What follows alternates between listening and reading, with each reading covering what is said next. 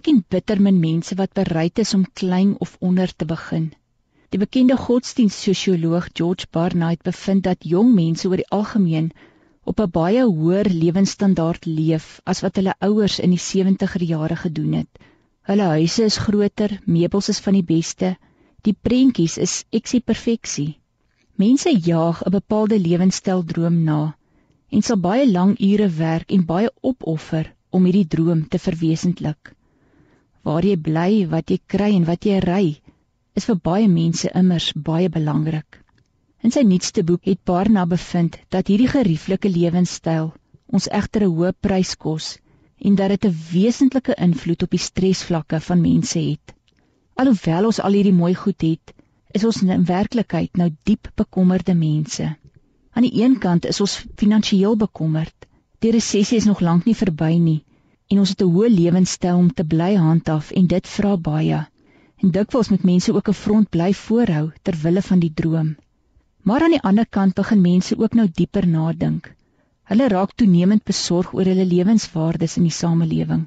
Om absolute rykdom na te jaag, het 'n invloed op die morele waardes in ons samelewing. Ons sien wat mense sal opoffer vir finansiële gewin en dit maak mense bekommerd. Hoop is 'n snaakse ding. Hoop help jou om vorentoe te kyk, kop op te tel en in slegte omstandighede vas te byt. Barnard bevind dat mense selfs in die slegste finansiële omstandighede na ander dinge begin uitsien wat hulle letterlik uit die bed sal laat opstaan en optimisties maak. Hy noem 'n paar dinge soos om 'n goeie nagrus te kan hê, om saam met vriende te kan kuier, die voorreg om na goeie musiek te luister, om goeie gesondheid te kan geniet, om met integriteit te kan leef, om 'n lewensmaat te kan hê, om 'n duidelike lewensdoel te hê, om 'n intieme en persoonlike verhouding met God te hê, om 'n gelukkige huwelik te hê en om kinders te kan hê. Interessant genoeg het die volgende sake baie lae persentasie gekry en het dit mense nie gemotiveer om elke dag op te staan nie.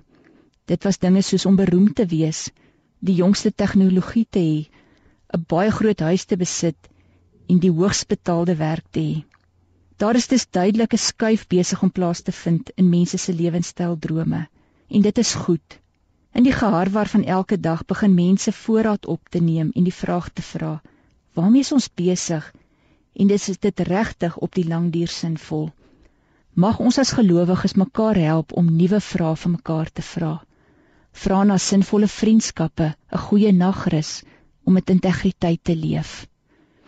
Wanneer laas het jy teruggesit en na goeie stuk musiek geluister? Die mooi rondom jou gewaardeer en raak gesien, jou gesondheid gekoester en die Here daarvoor dankie gesê.